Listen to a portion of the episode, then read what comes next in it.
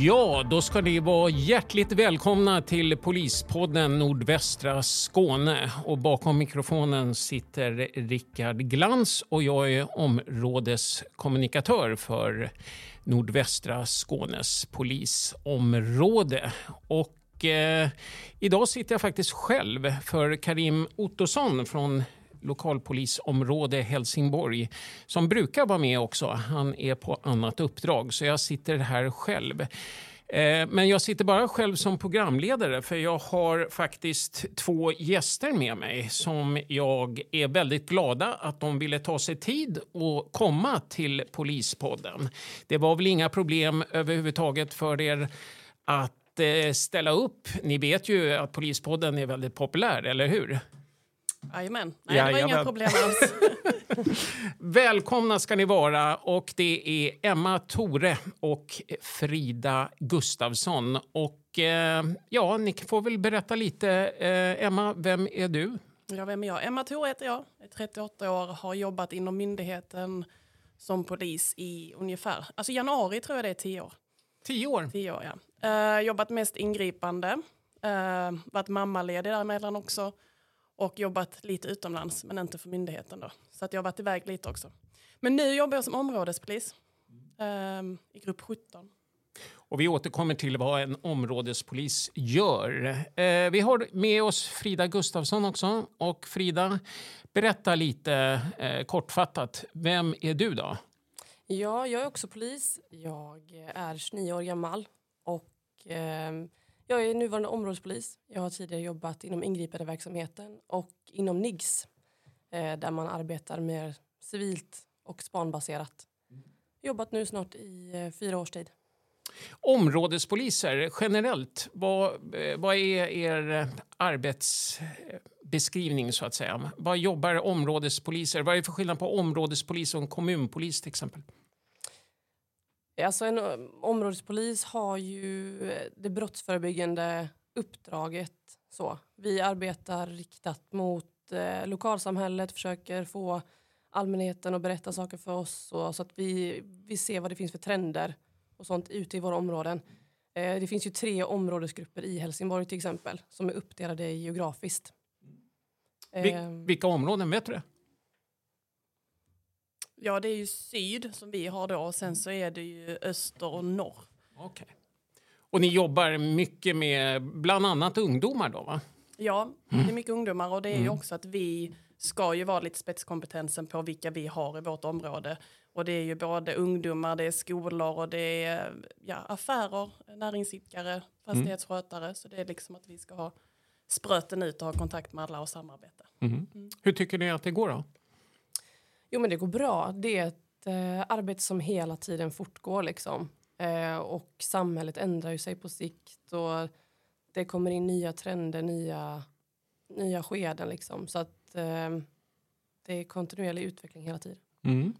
Och anledningen att ni är här det är att ni två har ju eh, utvecklat kan man säga ett litet koncept för föräldramöte. Och jag hade förmånen att följa med er för några veckor sedan när ni var på Elinebergsskolan här i Helsingborg och hade föräldramöte. Och det var ju väldigt välbesökt också. Det var ju över 120 tror jag va? i aulan som samlades där.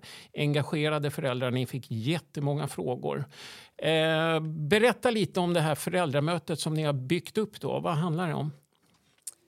Ja, men det är väl en idé som vi har haft över tid och som vi valde och fick igenom att göra ett pilotprojekt på. Och det är just det här att vi, eh, vi har mött många ungdomar och varit hemma och lämnat av många ungdomar och sina föräldrar i samband med brott. Och, eh, just för att informera eh, föräldrar och vårdnadshavare om fallgropar, vissa trender som vi ser hos polisen eh, där vi kan hjälpa dem att ge verktyg för att förhindra att ungdomar utsätter sig själva för brott eller blir utsatta för brott. Då har ni alltså samlat på er eh, ämnen då som kan vara relevanta i de här sammanhangen. Ehm, och då är frågan, vad är det för ämnen då som ni informerar om, Emma? Vi pratar ju om de vanligaste eh, narkotikapreparaten. Ehm, attityder, vi pratar om faror på nätet. Ehm, just för att det händer mycket där eh, som vi kanske inte upplevde när vi var ungdomar på samma sätt. Vi pratar om, eh, vad pratar vi mer om Frida? Alltså vi pratar ju om allmän digitaliseringen, vad det innebär med mobiltelefonerna, hur alltså, lättillgängligt vissa saker blir. Vi pratar mycket om det här med nakenbilder. Vart går det, när blir det ett brott till exempel? Um, lite hur vi, vi jobbar precis. som poliser och det är ju lite som vi pratar om föräldrar och vuxna överlag är så viktiga och att ge de verktygen som du var inne på Frida. Att just kunna att vi är fler vuxna som ser och uppmärksammar ungdomarna och var när vi ska fånga upp dem eh, och hur de kan få hjälp och vad de ska titta efter. Tycker ni generellt alltså att det är brist på föräldraengagemang och så? Märker ni det i er yrkesroll? Absolut inte, utan det är snarare tvärtom att föräldrar är väldigt engagerade men ibland så vi poliser, jag visste inte de här sakerna innan jag började arbeta som polis så det är mer att kunna ge vissa verktyg och medvetandegöra vissa saker som vi ser i vår vardag som blir väldigt vanligt för oss kanske inte blir lika tydligt för ibland får man ju det här att men, mitt barn skulle inte göra detta.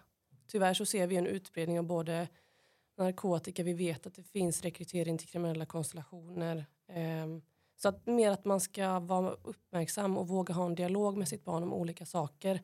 För det är kanske inte ditt barn som blir utsatt ehm, men det kan vara någon annan i din omgivning till exempel. Att man alla vi tillsammans arbetar och har civilkurage och ställer upp som vuxna. Det är det det handlar om.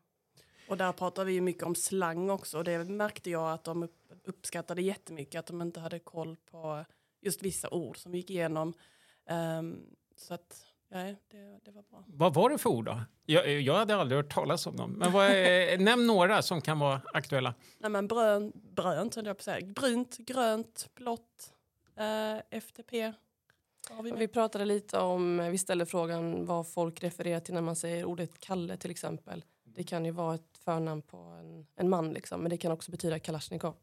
Så att, eh, eller ser man en snöflinga dyka upp på sin barns telefon i maj till exempel så kanske man kan ställa frågan varför det ramlar in snöflingor.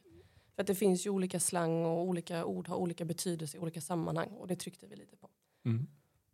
Vad är det för narkotika nu som eh, eh, cirkulerar mest i, i ungdomskretsar så att säga i Helsingborg? Har ni någon koll på det? Ja, men det vi ser mest, och det är de fyra preparat som vi har valt ut och informerade om, mm. det är just eh, cannabis är ju en stor del. Mm. Och sen har vi kokain, ser vi en väldigt stor utbredning att eh, det breder ut sig både alltså, bland ungdomar och det går ner i åldrarna väldigt mycket. Tramadol är tyvärr också en negativ utveckling som man sett över tid mm. har blivit eh, vanligare hos ungdomar. Och bensodiazepider. Mm. De fyra valde vi ut. Och kokain, eh, det var ju tidigare lite så här fest och lite överklass och sånt. Men det har alltså klättrat ner i åldrarna och nu finns det ganska allmänt då, eller? Ja men det var väl absolut något vi tryckte på att tidigare så har man väl betraktat det som en partydrog mm. och varit väldigt dyr. Den är väl fortfarande generellt sett ganska så dyr men eh, utbudet är stort och det är väl framförallt det här med just både straffvärde att det är kanske enklare att överlåta det till en ungdom att hålla till mm. exempel. Mm. Man kanske inte nödvändigtvis behöver bruka det själv men det är att man har det åt någon annan och det pratar vi också om. Mm. Att det är enklare för en, en kriminell att lämna över till en ungdom. Mm. Mm. Så för en enkel tjänst. Det pratar vi mycket om. Är det lätt för ungdomar att komma åt narkotika idag? Ja, det är det. Mm. Det finns ju både på nätet och um, det är ju det är ju inte, alltså vill man ha narkotika så, så är det ganska så enkelt att få tag på det. Tyvärr. Sen är det inte alla som, som kommer i direkt kontakt med det men det är mer att vi som poliser ser ju dess utbredning så därför kan vi anta att ungdomar kan komma i kontakt med det ganska så ofta. Mm. Tycker ni lagstiftningen hänger med här eller? Eller hade ni sett en snabbare process där med lagstiftning och så? När det gäller narkotika. Kan man säga något om det? Alltså det är ju en, eh, det är ju en mer politisk fråga. Men det är både och. Liksom, vi jobbar ju mm, aktivt mot det. Eh, mm. Det är väl att eh, man behöver samverka med olika myndigheter för att komma åt detta. Mm. För att kunna hjälpa. Mm. Exakt. Mm. mm. Och vi har bra samarbete va? med sociala myndigheter i Helsingborg? Absolut, vi har jättebra samarbete. Kan ni berätta lite, hur jobbar vi på polisen tillsammans med kommunen? Ja, men vi har ju bra kontakt. Vi har ju dels dialog med eh, många många kontaktpersoner där liksom, när vi får in uppgifter och de delar med sig av saker och ting och vi försöker dela våra lägesbilder så att vi har samma uppfattning om vad som händer i Helsingborg mm. till exempel. Och mobila, mobila team också va? Ja men precis. Mm. Och sen ungdomsutredarna jobbar vi som områdespoliser också med. Så på varje tisdag då har vi möten um, och där sitter socialen också med så vi försöker liksom få en samlad bild och, och så. Mm. Om vad som händer i stan. Jag tänker, det var narkotika det, men eh, det finns mycket, många andra fällor som ungdomar och barn kan eh, ramla in i. Och, eh, till exempel också gängbildningar och sånt. Ni hade några några powerpoint-bilder kring gängbildning och sånt. Eh, vad kan ni säga om det? Finns det någon varningsflagg att se upp för där när det gäller eh, att hamna i kriminella gäng och så? Där pratar vi ju mycket om just pengar och eh, nya kläder. Alltså märker man att ens ungdom inte ber om veckopeng, att de har mycket kontanter, då ska man kanske ta upp ögonen och ha en dialog om det. Det pratar vi om. Eh, vi, pratar, vi är mycket på att vuxna föräldrar främst då ska ha en öppen dialog och kanske prata om det här med sina barn. Um, för att det förekommer absolut att man försöker rekrytera. Och det mm. kan vara så enkelt som att man blir bjuden på pizza, man får ett sammanhang och sen eh, efter några veckor när man har varit så kanske man håller det här paketet uh, och så får du en 500 mm. Så att um, det tar vi också upp. Mm. Och just hur viktigt det är att man har trygga vuxna som fångar upp och pratar och att man vågar komma om det är då att man får påtryckningar uppifrån. Och där kan vi nämna att Polismyndigheten just nu har en kampanj också som heter Gängsnack och det kan ni gå in på polisen.se och och eh, läsa mer om och också ladda ner material kring eh, detta. Gängsnack heter det, så sök efter det på polisen.se. Ehm, jag sitter här med Emma Tore och Frida Gustafsson, områdespoliser i Helsingborg. Och vi pratar lite om eh, föräldrakontakten Eh, och de fällor ungdomar och barn kan hamna i. Eh, någonting ni tog upp också i de här föräldramötena det var att skicka bilder. Eh, och det var, ni, ni, hade bland annat en film som har gjorts av oss här på kommunikationsavdelningen. Delbart heter den. Eh, kan ni berätta lite, vad, vad, vad handlade filmen om? Den handlar ju om... Eh, man får se då på filmen att det är en tjej som har en dialog med sin... Ja, det är någon form av kanske relation får man se det som. Hon skickar i alla fall en avklädd bild till honom. Eh, han tar en printscreen på den här bilden. Han lämnar sen sin telefon i soffan och då får hans kompis tag i hans telefon och sprider den här bilden vidare. Sen så får man då följa med ett händelseförlopp som sträcker sig lite längre fram vad den här bilden kan innebära och var den kan sluta någonstans. Mm. Eh, den används bland annat i utpressningssyfte. Man skickar andra obehagliga bilder till henne för att man öppnar upp för det. Det är väl just det här, den, den tar upp hur illa det kan gå om man väljer att sprida såna här bilder och att när man väl har tagit den här bilden och skickat iväg den så äger du inte längre bilden. Och det är väl det som filmen vill få fram. Mm. Märk, har ni märkt av det själva som poliser? Absolut. Det här kommer in eh, ganska så ofta veckovis får mm. vi in ibland samtal från föräldrar eller från ungdomar som berättar att man blir utpressad i samband med en nakenbild eller liknande. Mm. Det var ju Frida som visade mig denna filmen första gången och jag blev jätteberörd och det blev mm. väl du också när du såg den? Absolut. Uh, så den är väldigt viktig och det vet jag att föräldrarna på uh, mötet också sa att de ska hem och titta med sina barn. Vilket är, glädjer mig för det öppnar upp för kommunikation. Mm. Ja, det var väldigt ångestframkallande tyckte jag. Alltså, uff. Den är bra gjord. Ja, den är bra gjord. Eh, jag tänker då när man eh, hamnar i en sån, man har skickat iväg kanske en eh, bild eh, som nu fladdrar runt i cyberrymden och sen eh, blir faktiskt utsatt för någon form av eh, påtryckning eller utpressning. Vad ska man göra då? Har ni några tips för ungdomar och föräldrar? Ja, men det är ju att som allt vi pratar om att vi vuxna måste markera vart gränsen går för vad som är rätt och fel. Utan det är polisanmälan som gäller när man hamnar i sådana här situationer. Eh, fråga en vän, fråga en annan förälder. Hur ska man göra med detta? Har du hamnat i liknande situation? Man kan alltid fråga polisen. Mm. Rådfråga hur man ska göra. Kolla på internet. Eh, det finns jättemånga olika verktyg och många sätt att ta sig dit. Men vårt råd är ju alltid polisanmälan när man, när man blir utsatt för den här typen av brott. Just för att markera att det inte är okej. Okay. Och sen det här med nätet också, internet. Eh, eh, där måste man ju också bli klar med, med vem man sänder och, och vem man pratar med också. Va? Och det, det, här kan man ju också hamna i grooming-situationer. Eh, har ni något tips där? Hur, hur, hur ska man veta att det här är verkligen är en eh, ungdom som man till exempel chattar med och inte kanske en eh, fullvuxen person? Ja, hur man ska veta det. Ja, alltså de utger ju sig och de vet ju vilken slang och förkortningarna som ungdomarna har ja. om de är där. Så att eh, säga att man pratar med någon jättemycket, ja, då kanske man ska facetima med den så att man ser live att det är just den personen man pratar med. Tänker jag. Annars är det ju vara kritisk och eh, liksom bara ha frågeställningar och, och så. Ja, mm. mm. Okej, eh, ni har haft två föräldramöten hittills va? I, eh, kring det här på Elinbergsskolan och på Ättekulla. Ja, mm. Hur har mottagandet varit? Då? Eh, vi kan börja bland eh, föräldrarna och anhöriga. Där.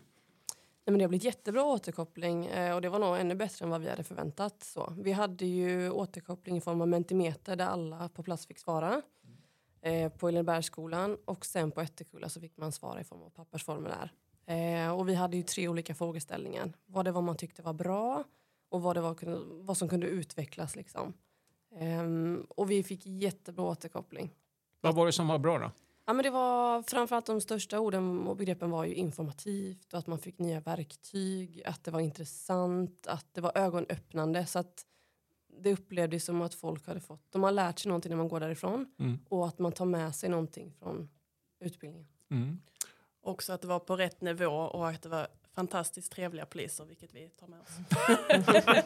jo, men det kan, jag, det kan jag intyga faktiskt. Jag var ju med där ja. också. Och även kommunpolisen, eh, Peter Karström var med där från kommunpolis i Helsingborg, var med i Linnebergsskolan. Mycket trevligt. Och det, hur länge höll ni på? Jag kommer inte ihåg. En och en halv timme va? Ja men precis. Mm. Och sen så stannar vi kvar efteråt för att besvara lite frågor. Mm. Och det är också något som man märker i de sammanhangen. De här, vissa frågor ställdes ju i storforum och mm. sen så ställdes vissa frågor enskilt. Och det är precis det vi vill nå ut. Mm. Och sen så lämnade vi också kontaktuppgifter så att man skulle kunna dels ge återkoppling ytterligare och om man hade någon fråga i framtiden. Mm. Eh, det var mottagandet bland föräldrar och anhöriga. Hur, eh, skolpersonal då? Vad, vad tycker du om att ni är ute så här? Nej, men jag jobbar ju mycket med skolor och eh, de som vi var hos de var jättenöjda och tyckte det var jättebra. Sen har jag fått förfrågningar från andra också. Och det har jag ju fått en längre tid sen innan också. Där mm. de har efterfrågat detta. Mm. Så att eh, det är ju tacksamt att Frida kom på den här idén. Att vi, hon tog med mig och att vi har kunnat utföra det. Mm. Och internt inom myndigheten då? Har ni fått någon respons? Vad, vad, tycker vi inom Polismyndigheten om det här initiativet? Har ni fått där, någonting där? Ja men absolut. Många har både kommit fram till mig och Emma och sagt att det är ett jättebra initiativ och att jag tror att det är andra polisområden som har hört av sig mm. och har haft liknande tankar och liknande planer som ville ta del av materialet och det är ju något som vi tycker är jättebra. Eh, sen får man gärna modifiera det utifrån deras lägesbilder, deras polisområde. Mm. Så. Ni har, eh. ni har inte copyright på? Nej, det har vi inte. Vi uppfinner inte hjulet flera gånger. Nej. Nej, så att det är jättebra respons. Så det är alltid roligt. Som poliser då, hur bedömer ni värdet av att hålla sådana här möten? Alltså vad, vad ger det er som poliser? Det pratas ju ofta om vad ger detta för effekt? Hur kan vi, hur kan vi se effekterna? Och det tror jag inte riktigt att vi kan på detta. Men jag ser ju värdet om vi har räddat någon ungdom från att råka illa ut och få psykisk ohälsa har vi fått någon förälder att kunna stoppa ett pågående missbruk så har vi ju gjort tillräckligt tycker jag. Alltså det är svårt att mäta. Men jag tycker, jag brinner ju för detta, det vet jag att Frida också gör. Så vi vill ju jättegärna driva vidare detta och ser verkligen värdet i det. Mm. Uh, och det är svårt att mäta effekter. Men jag tror ju på att uh, det, om man får fortsätta, att det kan göra skillnad. Mm. Jag är helt säker på att det kommer göra skillnad faktiskt. Sen hur mycket, det är svårt att säga. Många föräldrar, eh, när jag var med, de, ville ju, de sa ju sen, eh, kom fram till och med till mig och sa att många vill ju då att polisen ska vara mer ute på skolor och, och efterlyste just sådana här arrangemang som ni har eh, eh skapat här. Då, då, Har vi möjlighet till det inom Polismyndigheten bedömer ni? Har vi resurser till, till det här? Ja, men det är en stor fråga. Alltså, det handlar ju om eh, resurser och hur många vi är och så. Men någonstans så måste man se att det här är en jätteviktig del för myndigheter för att vi ska kunna nå ut. Våra kanaler och vår information ska kunna nå ut till så många som möjligt. Och det är därför det, vi valde att rikta oss till föräldrarna. För att det är framförallt de som de, de har sina ungdomar och sina barn. Um, så det är en fråga som vi har lyft uppåt. Mm. Så vi, vi hoppas ju på det. Vår förhoppning är att man kan driva det här vidare. Och det har vi väl fått ett litet grönt ljus på. Och sen hur vi ska utforma det, det får vi se. Mm. Men eh, vi har bollen i rullning. Ja, ni sitter ju här i Polispodden Nordvästra ja. Skåne. Ja, ja visst. Det var en sån sak. Ja, va? Så att, eh, och jag bara tänker också eh, en fråga som kom upp spontant nu. Tänker jag. Vad är det för åldersgrupper som kan vara aktuella för, för, för ert koncept också? Eh, är det högstadiet, är det gymnasiet eller är det mellanstadiet? När ska man börja med, med sån här information egentligen? Har ni, har ni någon koll på det? Alltså vi valde ju eh, föräldrar vars barn är mellan 13 till 15 år. Så att vi valde ju högstadiet. Eh, sen finns det ju alltid, sen kanske man får omformulera sig när man kommer upp till gymnasienivå. För att då har många föräldrar kanske mer koll på de här begreppen. Liksom. Så att jag tror egentligen att det behövs i eh, det är ett åldersspann som är ganska så brett för den här informationen måste komma ut. Men sen så kanske man får verifiera, alltså modifiera informationen beroende på vem man vänder sig till. Mm. Vad som är aktuellt och vad som är trender så, för det, det skiljer sig lite bland åldrarna. Mm. Mm. Vad intressant. Men eh, då kommer alltså fler eh, föräldramöten som ni kommer hålla under 2024 eh, då? Vi hoppas ju det innerligt. Mm. Mm. Vad bra. Har vi, har vi fått med allting, tycker ni? Ja, men jag tror det. Ja. Det tror jag också. Ja. Och jag eh, har inte fler frågor just nu i alla fall. Och eh, därmed ber jag att få tacka Emma Tack. Tore, Frida Gustafsson som är områdespoliser i Helsingborg och har de här föräldramötena. Då, då. Producent för det här programmet har Rickard Glantz varit. Ansvarig utgivare är KA Syd. Och de åsikter och synpunkter som framförs i programmet behöver inte nödvändigtvis reflektera Polismyndighetens syn. På återhörande allihop. Ha det bra!